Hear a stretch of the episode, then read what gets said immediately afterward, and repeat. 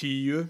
Bókin mín Þorstein Erlingsson hefur í afmælisvísum skipað sér svo eindreiði herr Georgs Brandesar að ekki ætti að þurfa frekar að spyrja hver hafi verið helsti leitói hans og meistari. En ég hef dálítinn grunum að þakklátt seminn við ljóðavínina sem höfðu valið honum rít Brandesar að afmæliskjöf hafi í bráðina varpað bjartari ljóma á fóringjan og auki Þorsteini meir í augum þakkarskuldina við Brandes en réttmætt var. Vitanlega átti Þorstein samleið með Brandesi að mörgu leiti. Brandes var alla æfi málsvari frjálsar hugsunar og djarfur í máli. Hann hafði fyrstur manna á Norðurlöndum krafist þess af skáldónum að þau kryfðu mein og vandamál samtíðarinnar.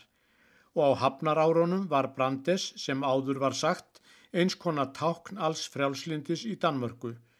En 1903 var hann fyrir laungu hættur að standa í fylkingarbrjósti og því fór fjarrri að samtíðin væri gengin honum á hönd. Sumir af þeim sem höfðu fyllt honum um stundarsakir voru orðnir íhaldsamari, höfðu gert afturkvarf, sumir sóttu lengra fram en honum hugnaði.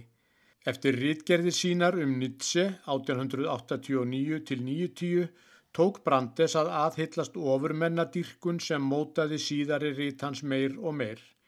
Hinnar alræmdu Amagur greinar hans 1906 þar sem hans smáði sjálfstæðis baráttu Íslendinga vegna fámennist þeirra síndu takmarkanir frjálslindis hans. Þær voru runnar af tveimur sundurleitum rótum, þjóðurækni og þótta stórdanans og tilneyingu hans frá yngri árum að gera lítið úr öllum þjóðverðnisrempingi. Eftir að þær greinar komu út myndi Þorstein tröðlega hafa haldið messudag Brandisar.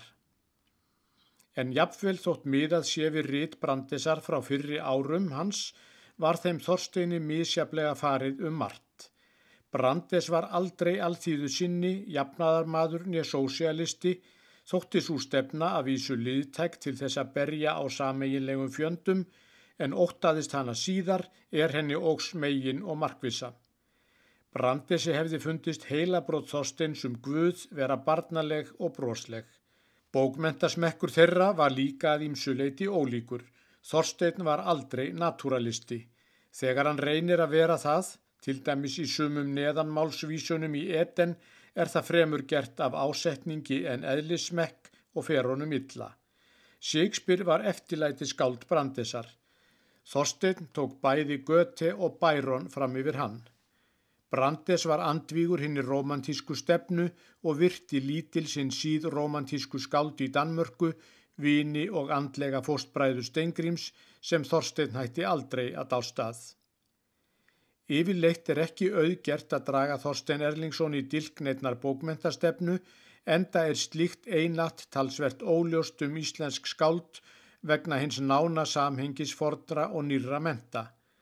Af samtíðarmönnum hans eru Grímur, Gröndal, Steingrímur og Mattías allir romantísk eða síðromantísk skáld. Þorstein metur þá alla, suma meir en væntamátti, þótt hann feti ekki beint í fótspór þeirra.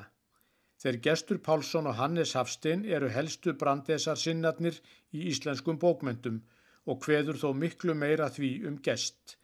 Hann reynir að stjaka við Íslendingum á líkan hátt og brandes áður við dönum. Ímislegt er sameigilegt með gesti og Þorsteini og má gera ráð fyrir að Þorstein hafi lesið sögur gests, rittlinga og bladagreinar með mikilli aðtikli. Þeim myndi hafa komið vel saman um margt ef þeir hefðu kynst. Báðir fundu til með öllum sem bátt áttu, mönnum og skeppnum. Þó að gestur nefndi sig ekki sósialista fer þjóðfélags ádeilan í sögum hans öll í jafnaðarátt og rýtlingurinn blöytfiskveslun og bróðurkerleiki er merkilegur áfangi í baráttu fyrir meira réttlæti til handa íslenskum verkalýð því að þar er hlutstætt dæmi djarflega reyfað. Afstæða þeirra til trúmála og kirkjumála er að sumu svipuð eins og drepið var á að framann. Gestur var boðberi hreinskilni, lagið að svifta grímu sjálfsblekkinga af sögupersonum sínum oft með nöbru háði þóttan væri ekki jafn fyndin sem þorsteinn. Hins vegar litu þeir gjör ólíkt á önnur mál.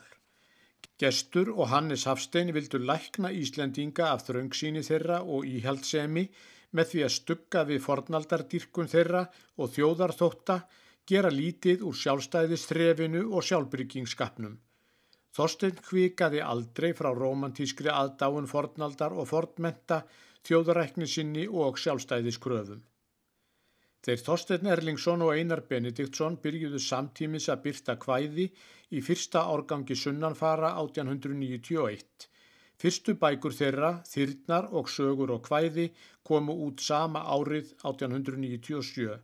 Einar var ekki nema sex árum yngri en Þorstein og verður stúdent aðeins einu ári síðar, en samt má með þeim kenna greinilegan stefnumun tveggja kynnslóða. Einar var aldrei hrifin af naturalismanum og gerðist brandesi þvík fráhverfari sem lengra leið.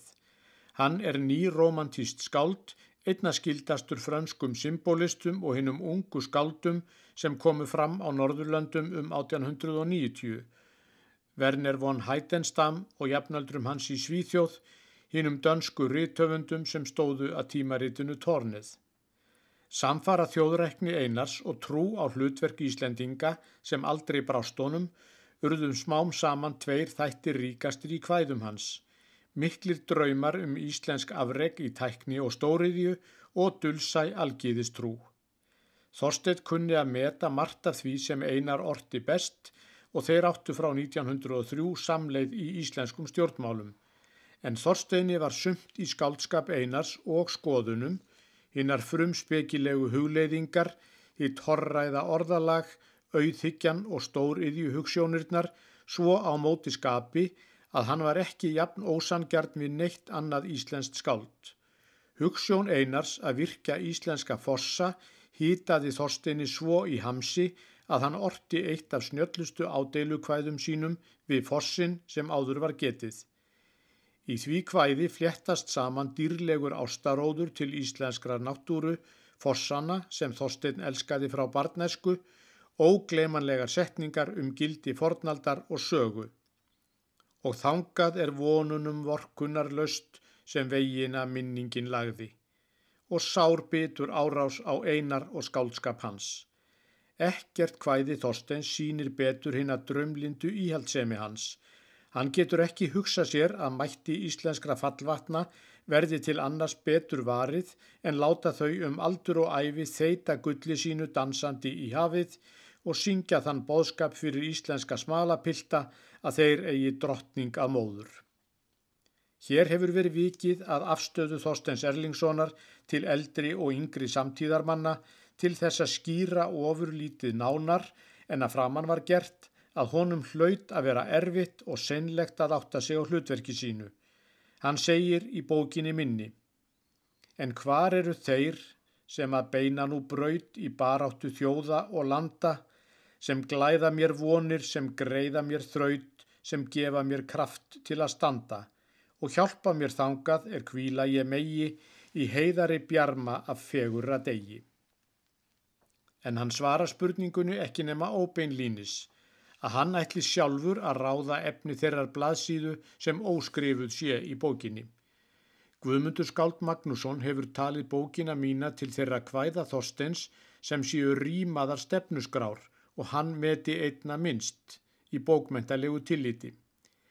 Ætti ég hins vegar að nefna eitt hvæði Þorstens sem ég vildi síst missa, myndi ég ekkert kjósa fremur. Þar er örðugustu baráttu hans, dýrkeftustu og dýrustu reynslu, líst í skýru myndum og meitluðum spakmælum. Þar olgar skap hans og vandlæting en mannúð og mildi í dómum mýkja bilgjurnar. Á þjóðsögum Jóns Árnasonar sem Þorstedt gaf Svanhildi dóttu sinni í tannfje stendur þessi vísa. Helst ég vil þú hafir frið hér í þessu víti en þurfiriðu tannar þinnar við þykir mér vænst hún bíti.